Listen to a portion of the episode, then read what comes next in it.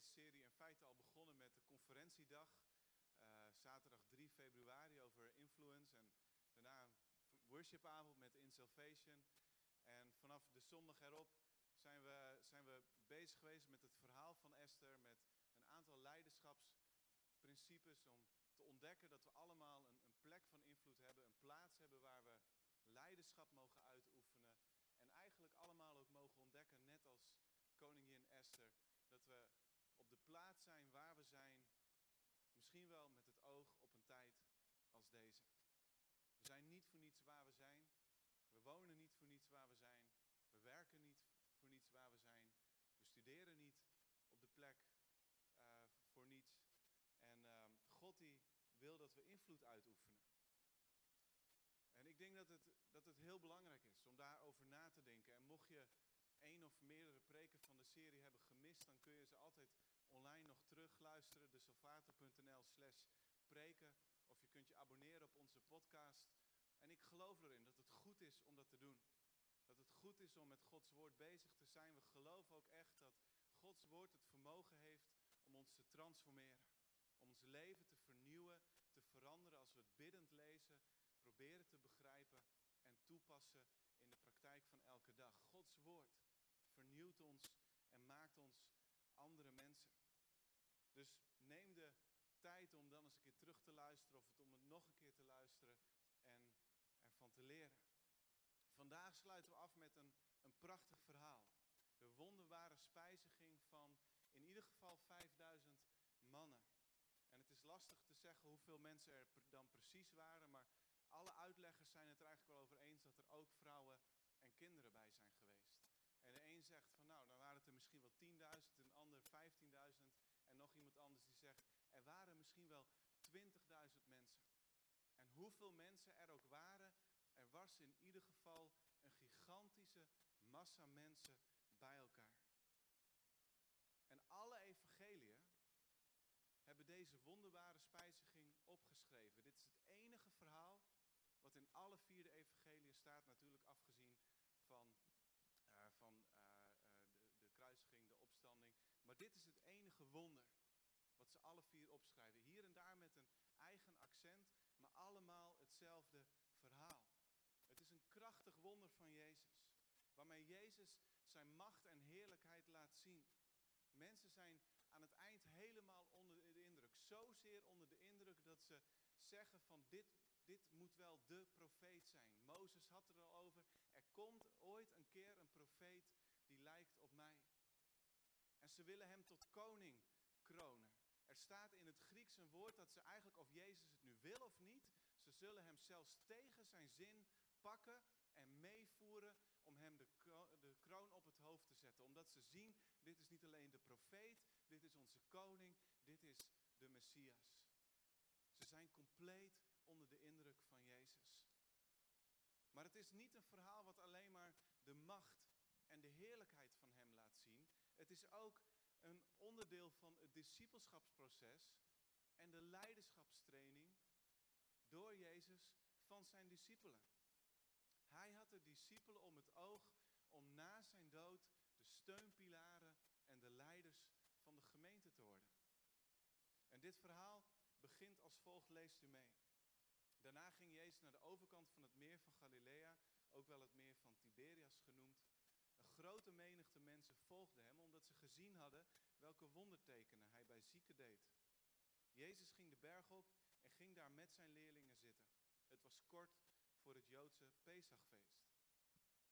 Dus de menigte die volgt Jezus om zijn wonderen. Dat is begrijpelijk, maar het is niet helemaal een neutrale opmerking van Johannes zo aan het begin van dit verhaal. Want na het wonder van brood en vis volgt een heel stuk onderwijs wat, wat in lijn is met dit wonder van brood.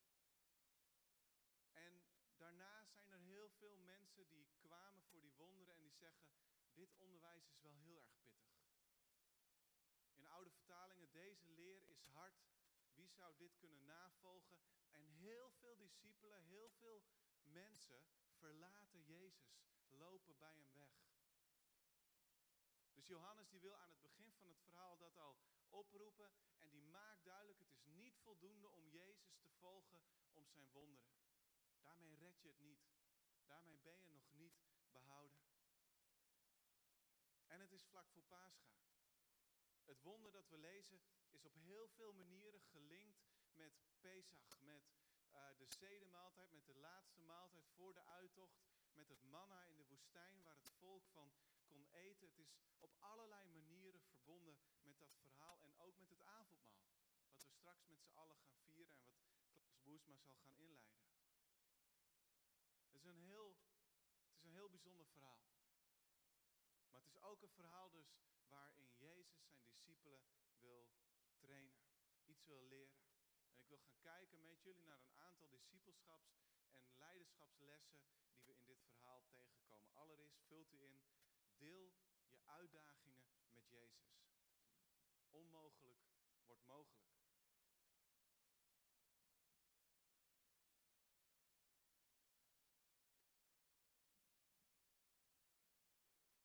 Vanaf vers 5, daar staat, toen Jezus om zich heen keek en zag dat die menigte naar hem toe kwam, vroeg hij aan Filippus, waar kunnen we brood kopen om deze mensen te eten te geven? Hij vroeg om Filippus op de proef te stellen. Nou moet het wel duidelijk zijn dat als God mensen op de proef stelt, dat het altijd met een positief doel is.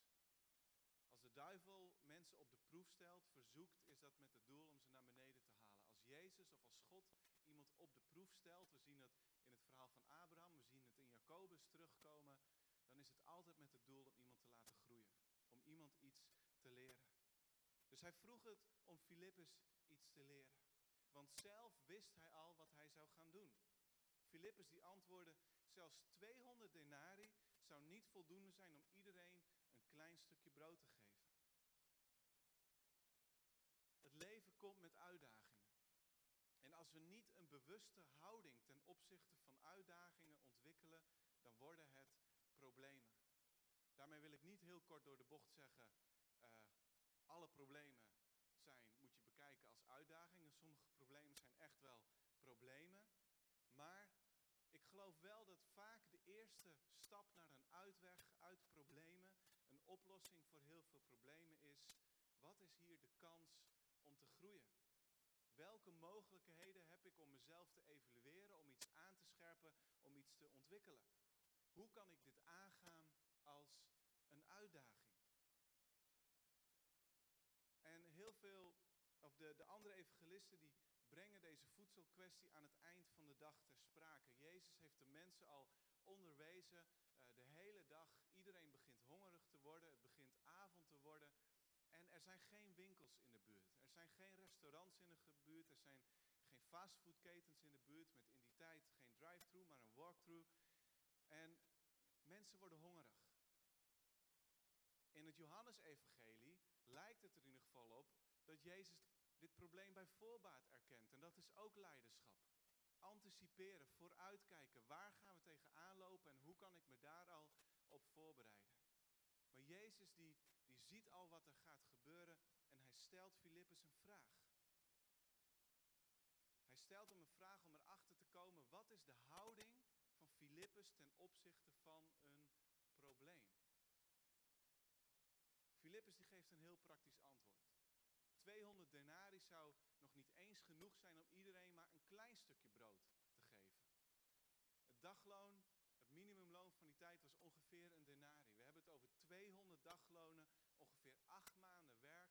Salaris van acht maanden was niet genoeg om al deze mensen te voeden. Filippus zegt, we kunnen, we kunnen dit nooit redden. Hij legde de uitdaging als het ware langs de meetlat van zijn eigen tekort, van zijn eigen verstand, van een logische menselijke redenering. Dus wat is onze houding ten opzichte van problemen? Hoe vaak plaatsen we niet ons menselijk vermogen boven een vertrouwen op God? Heel vaak gaan we mee met de redenering, ik geloof pas als ik het zie. Terwijl we als gelovigen mogen leren, ik zie het pas als ik geloof. En dat is wat Jezus Filippus, aan zijn discipelen wil leren. Langs welke meetlat leg jij deze uitdaging? Als je kijkt naar het leven van David, dan leren we datzelfde principe. David die gaat op een gegeven moment naar, op zoek naar zijn broers. Die zitten aan het front. Ze vechten met de Filistijnen. En als hij daar brood brengt en, en andere lekkernijen, dan hoort hij een reus, letterlijk een reus, hoort hij zijn volk en zijn God bespotten en belachelijk maken. En hij zegt, doet niemand er dan wat aan? Nou nee, niemand doet er wat aan. En die reus Goliath die heeft de uitdaging neergelegd bij het volk. Weet je wat, kies jullie beste strijder, laat hem met mij vechten. En we vertegenwoordigen ons hele volk. Degene die wint, zijn volk heeft gewonnen. En mag het andere volk tot slavernij onderwerpen. En er is niemand die durft. En David zegt, weet je wat, dan ga ik wel. En hij gaat naar koning Saul en hij zegt, ik zal vechten tegen Goliath. En dit is dan de reactie van Saul, leest u mee. Maar je kunt hem toch onmogelijk aan, zei Saul. Je bent nog maar een jongen en hij is al van jongs af aan gewend om te vechten. En David die antwoordt op een gegeven moment, de Heer die me gered heeft uit de klauwen van leeuwen en beren, zal me ook redden uit de handen van deze Filistijn. Ga dan, zei Saul, en mogen de Heer je bijstaan. Je kunt niet leiding geven. En je mate van invloed, waar dat ook is, wordt sterk beperkt op het moment dat je focust op de onmogelijkheden. Op het moment dat je denkt van wat is er in mijn vermogen mogelijk. En er is natuurlijk niks mis met een gezonde dosis realisme, maar we mogen ons niet verschuilen achter realisme als we daardoor vergeten dat God het onmogelijke mogelijk kan maken. Ik ben al bijna 12,5 jaar in dienst van deze gemeente. En ik heb gezien hoe soms, en ik zeg het met zekerheid over zelf en ik zeg het met voorzichtigheid over andere mensen. Maar ik heb gezien hoe we soms ongeloof uiten onder het mom van realisme. Waardoor het de mogelijkheden van God beperkte, waardoor de, het wonder van God eigenlijk in de kiem werd gespoord. Ik heb gelukkig veel vaker gezien dat God voorzag wanneer we als leiders, als kinderwerkers, als connectgroep, als broers en zussen in welke taakgroep of op welke manier dan ook stappen in geloof zetten. Het onmogelijke aangingen, niet berekenend, maar vol vertrouwen, zodat we Gods mogelijkheden mochten ervaren. Laten we alsjeblieft niet gaan rekenen als Filippus. Maar rekenen met deze formule. Vertrouwen plus verwachting is vervulling. Vertrouwen plus verwachting is vervulling. We mogen het onmogelijke mogelijk zien worden. Als we onze uitdagingen met Jezus delen. Ten tweede, vult u in. Deel ook je middelen en mogelijkheden via Jezus. Deel je middelen en mogelijkheden via Jezus en dan zie je klein wordt groot.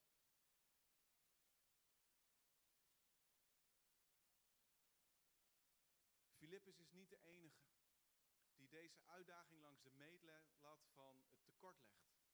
Lees u mee, er staat vanaf vers 9, een van de leerlingen, Andreas, de broer van Simon Petrus, die zei, er is hier wel een jongen met vijf gerstebroden en twee vissen, maar wat hebben we daaraan? Voor zoveel mensen. Wat hebben we eraan? Is dat niet een hele herkenbare uitdrukking voor ons allemaal? Wat hebben we eraan? We hebben maar zo weinig uren. We hebben maar zo weinig mensen. We hebben maar zo weinig middelen. We hebben maar zo weinig financiën. We hebben maar zo weinig ruimte. We hebben maar zo weinig. En vul het maar in. We hebben maar zo weinig. Wat hebben we daaraan? En in dit vers zit een van de kernprincipes van Umoja. Umoja is een tweejarig proces, tweejarig programma waar we als gemeente nu aan begonnen zijn. En Umoja wil eigenlijk helpen als, ons als gemeente om met beide benen in de buurt te staan. Het, het biedt handvaten om je te verbinden aan het dagelijks leven van mensen in de buurt met als verlangen, met als doel dat hierdoor buurten, wijken, steden, dorpen tot bloei komen. Door betrokken te raken bij elkaar kunnen we kunnen we veel meer voor elkaar betekenen.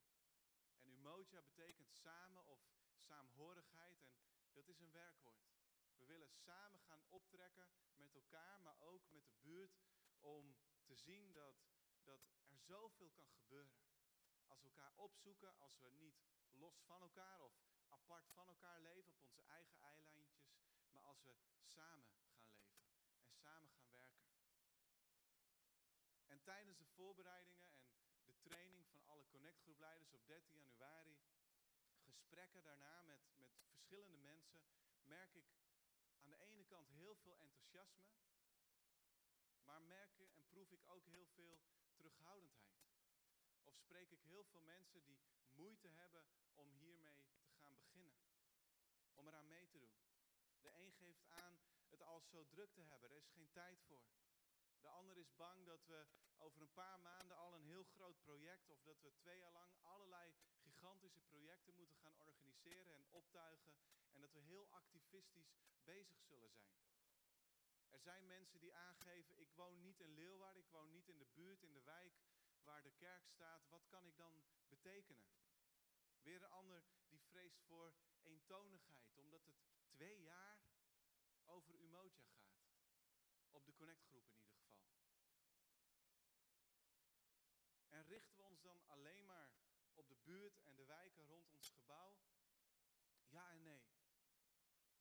Ja, we, we zitten als kerk tegenover een van de armste wijken van Nederland. Dus tuurlijk willen we daar iets gaan doen. Tuurlijk willen we daarnaar uitreiken. Maar Umoja focust niet alleen daarop, het focust veel meer op de plek waar jij woont. Jouw straat, jouw buurt, jouw dorp, jouw stad. Wordt het eentonig? Nee. De basis van Umoja is Bijbelstudie, Bijbelstudie, Bijbelstudie. En als de Bijbel open gaat, dan kom je in iedere tekst wijsheid en inzicht tegen over God, over onszelf, over de mensen om ons heen, de richting van de geschiedenis. Voor iedereen is er altijd iets te leren in allerlei opzichten. Door die Bijbelstudie. En vragen we te veel met Umoja? Ik geloof het niet. We gaan bezig met iets waar de Bijbel op bijna iedere pagina over spreekt. En wat we mogen leren integreren in ons dagelijks leven. Niet als een plus op alle drukte, maar als een onderdeel van een bewust en gebalanceerd leven waarin we Jezus willen navolgen. En even heel scherp gezegd, als we geen tijd hebben voor dergelijke Bijbelstudie en er zelf en samen met anderen, uh, als we geen tijd hebben voor die Bijbelstudie en er geen tijd voor hebben er zelf en samen met andere mensen over door te praten, hoe we dat moeten begrijpen en toepassen, dan zeggen we in feite, ik heb geen tijd voor discipelschap. En dan zeg ik het even heel scherp, maar ik wil er vooral mee aangeven, het is geen plus. Dit is, dit is je stille tijd. Dit is waarmee je bezig gaat. En, en iedere connectgroepavond moest toch goed voorbereid worden. En iedere dag wil je toch je verbinden met God en wil je Gods woord open doen en groeien. En dat is wat Umoja doet. Umoja is het versterken van een van de kernaspecten van discipelschap.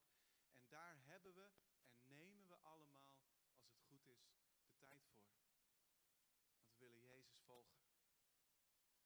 En nou kom ik op het kernidee van Umoja, van uh, het kernidee wat we ook in het wonder van de vermenigvuldiging zien. Het kernidee is je geeft wat je hebt. Je geeft niet, je investeert niet wat je niet hebt. Je geeft wat je wel hebt. Andreas komt met een jongen die vijf broden heeft. En Johannes die zegt het zijn gerstebroden. Gerstebroden. Het is niet eens goed brood. Gerstebroden was slecht brood, was goedkoop brood. Was het brood van de armste. Tarwebrood was goed. Gerstebrood niet. Vijf broden, twee vissen, waarvan de vijf broden ook nog niet eens van goede kwaliteit zijn. Het staat in geen verhouding tegenover de uitdaging, tegenover het probleem. 10, 15, 20.000 mensen. Maar het kleine was genoeg.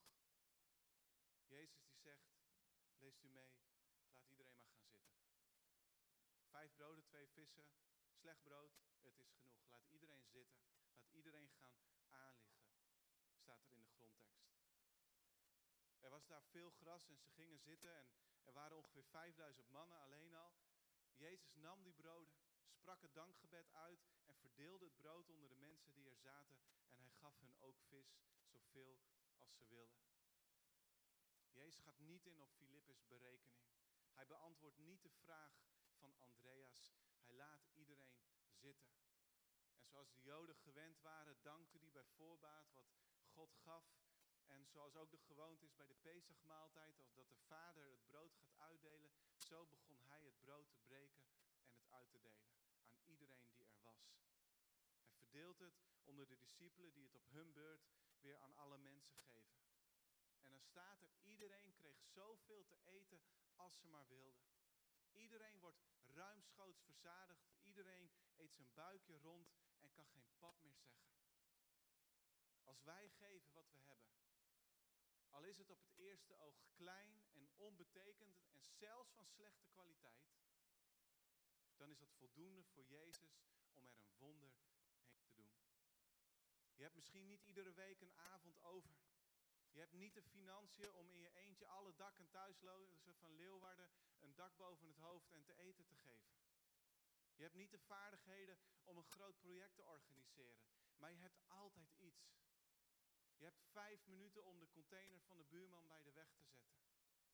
Als je aan het koken bent, heb je altijd een beetje ruimte over om een maaltijd te bereiden voor die persoon in jouw straat die ziek is en die niet goed voor zichzelf kan zorgen. Doet altijd zelf iedere week boodschappen. En hoeveel moeite is het om een paar extra dingen uit de schap te halen voor degene die dat zelf niet kan? Ik wil daar alleen maar mee aangeven met zulke simpele voorbeelden. Dit is Umoja. Je geeft wat je hebt. Je doet wat er in jouw mogelijkheden ligt. Stap niet in de valkuil van Saul. We lazen net een stukje uit het verhaal en ik wil nog een passage hieruit lezen. Leest u mee. Saul die gaf David zijn eigen uitrusting en hielp hem die aan te doen. Een bronzen helm voor op zijn hoofd en een borstkuras. Ten slotte gorde David het zwaard om en probeerde een paar passen te lopen, omdat hij niet gewend was aan zo'n zware uitrusting. Ik kan hier niet mee lopen, zei hij tegen Saul. Ik ben het niet gewend. En hij deed de uitrusting weer af. Pakte zijn stok, zocht vijf ronde stenen uit de rivierbedding en stopte die in zijn herderstas. Toen liep hij op de Filistijn af, zijn slinger in de hand. En Saul bedoelt het hier goed, laat dat duidelijk zijn. Hij voorziet David van zijn eigen uitrusting, ongetwijfeld het beste wat er is in het leger van Israël. Een paar hoofdstukken lezen we daarvoor. Het hele leger van Israël had niet eens zwaarden, alleen Saul Jonathan. Dus Saul die, die ziet een uitdaging en dan, en dan doet hij nog zijn best om David te helpen met, ja, dan maar wat, het zo groot mogelijk, het beste wat hij kan geven. En als wij ons klein voelen ten opzichte van de uitdagingen die voor ons liggen, dan willen we ook vaak alle advies en alle middelen en mogelijkheden wel uitproberen. Begrijpelijk. Maar kijk naar David. Als David bemerkt dat de beste mogelijkheden van mensen niet voldoende zijn en vooral niet bij hem passen, dan legt hij dat af. En dan pakt hij een simpele stok, een herders, uh, een, een, een slinger, vijf steentjes. En daarmee gaat hij die enorme uitdaging tegemoet. Want David wist, dit is ogenschijnlijk nooit voldoende om die reus te verslaan. Maar als ik wat ik heb en ik ga met God, dan is die reus niet te missen en ruimschoots te verslaan. En dat is umoja, dat is discipelschap, dat is perspectief, het juiste perspectief wat Jezus wil leren op problemen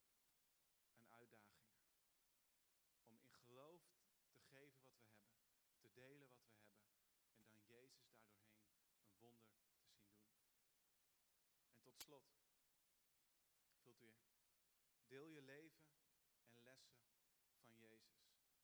Eén wordt twee, wordt vele.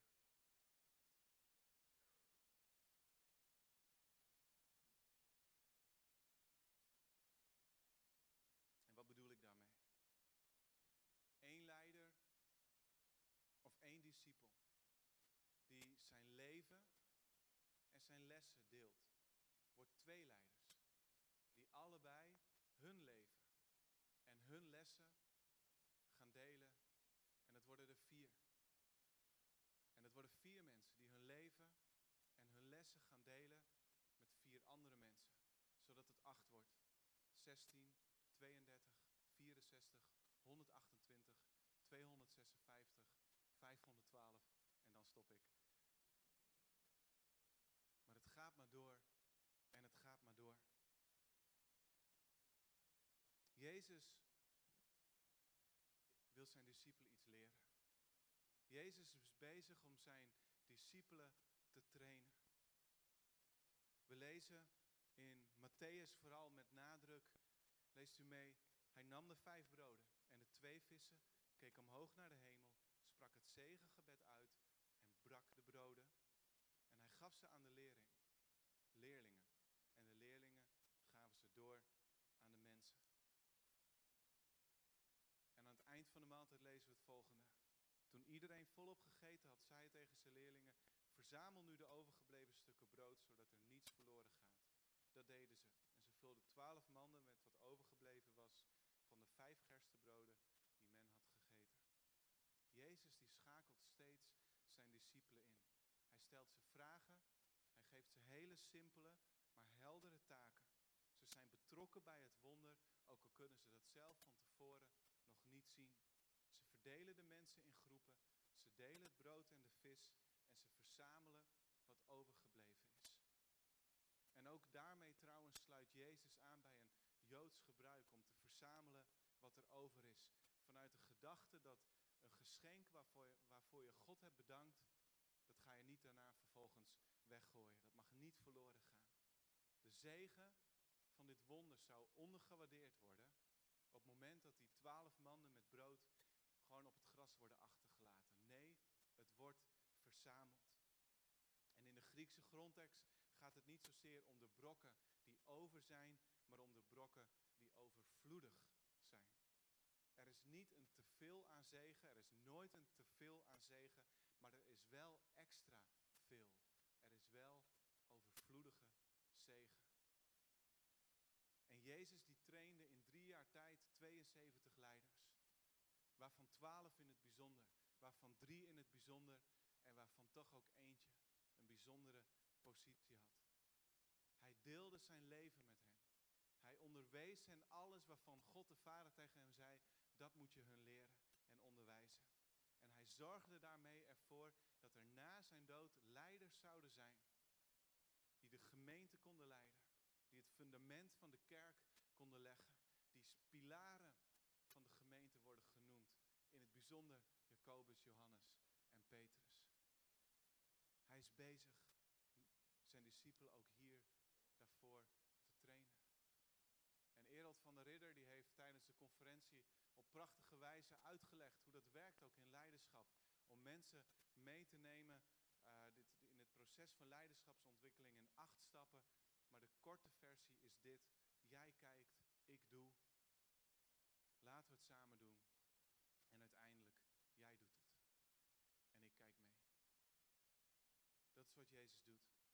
Invloedrijk leven heeft te maken met deze opdracht voor iedere discipel om weer andere mensen te discipelen. Voor iedere leider om nieuwe leiders te herkennen en te trainen. En op die manier ontstaat er vermenigvuldiging. De wonderbare spijziging wijst ook vooruit naar het onderwijs van Jezus wat daarna komt. De Joden zijn onder de indruk van het wonder. Doet ze denken aan de matzes in de nacht van de uittocht. Het doet ze denken aan het manna in de woestijn, waar een heel volk van kon eten.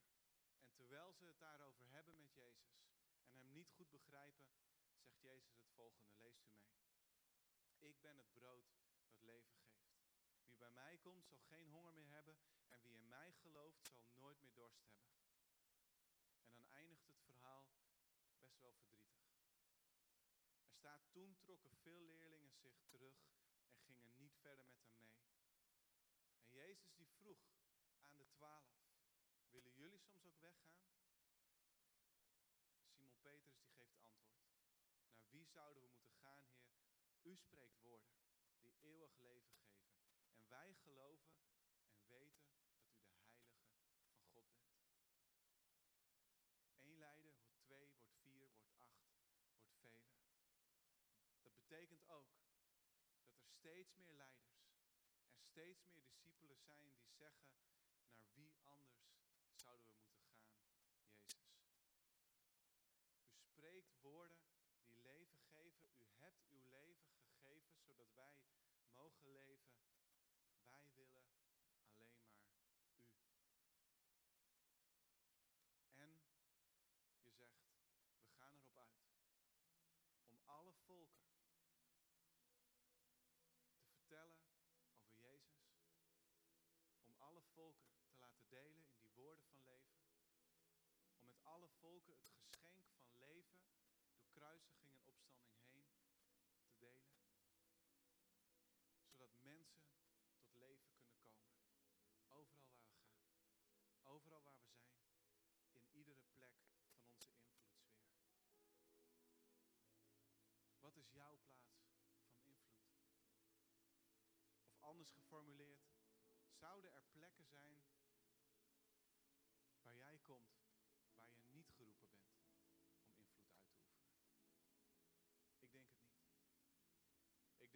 overal invloedrijk mogen leven, omdat we weten dat alleen Jezus het ware brood is. Alleen Jezus is alles verzadigend. Alleen Jezus kan mensen uit de dood brengen naar het koninkrijk van liefde, van leven, van eeuwigheid. Alleen Jezus kan mensen ten diepste gelukkig maken. Alleen Jezus kan mensen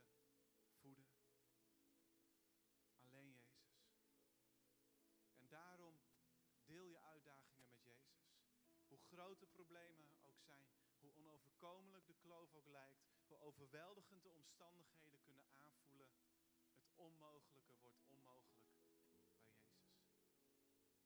Deel je middelen en je mogelijkheden via Jezus. Hoe beperkt, hoe klein, hoe nietig ze ook zijn. Hoe weinig tijd je hebt, hoe klein huis je hebt, hoe weinig vaardigheden je misschien hebt opgedaan of hebt geleerd. Jezus kan van al dat kleine, van al dat nietige iets groots maken. Als je hem de kans geeft om het te vermenigvuldigen. En deel je leven en de lessen die je hebt geleerd van Jezus met één of een aantal mensen. En dan verme- vermenigvuldig je leiderschap. Je vermenigvuldigt discipelschap. Zodat de kerk een onstuitbare en niet te stoppen kracht kan zijn deze wereld om invloed uit te oefenen. En mensen in aanraking te brengen met het ware brood. We komen niet voor dat wonder van gerstebrood, wat voldoende brood wordt voor 20.000 mensen. We komen niet voor visjes die worden vermenigvuldigd. We komen voor Jezus. En we mogen Jezus delen, die mensen eeuwig leven geeft. Zullen we dat gaan doen? Beginnend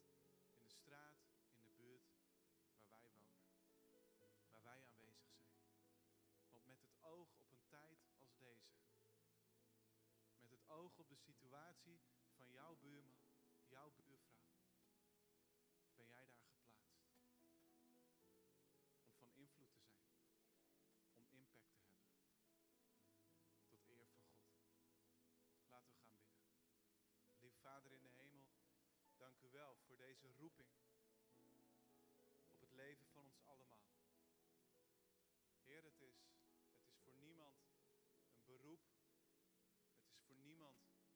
bijzondere taak, een unieke taak. Heer, het is voor ons allemaal een roeping om te zien waar u ons hebt geplaatst. Om te herkennen in welke tijd we leven. En om aan u te vragen en met u te delen wat we hebben om van invloed te zijn. Heer, ik bid voor vrijmoedigheid. En ik wil de gemeente zegenen met die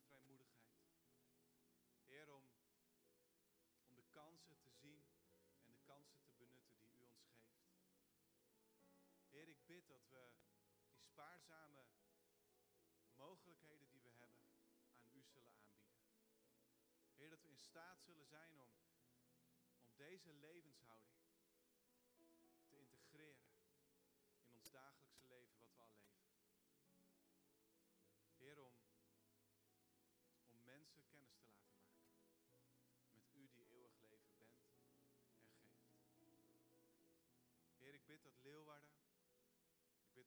Heer,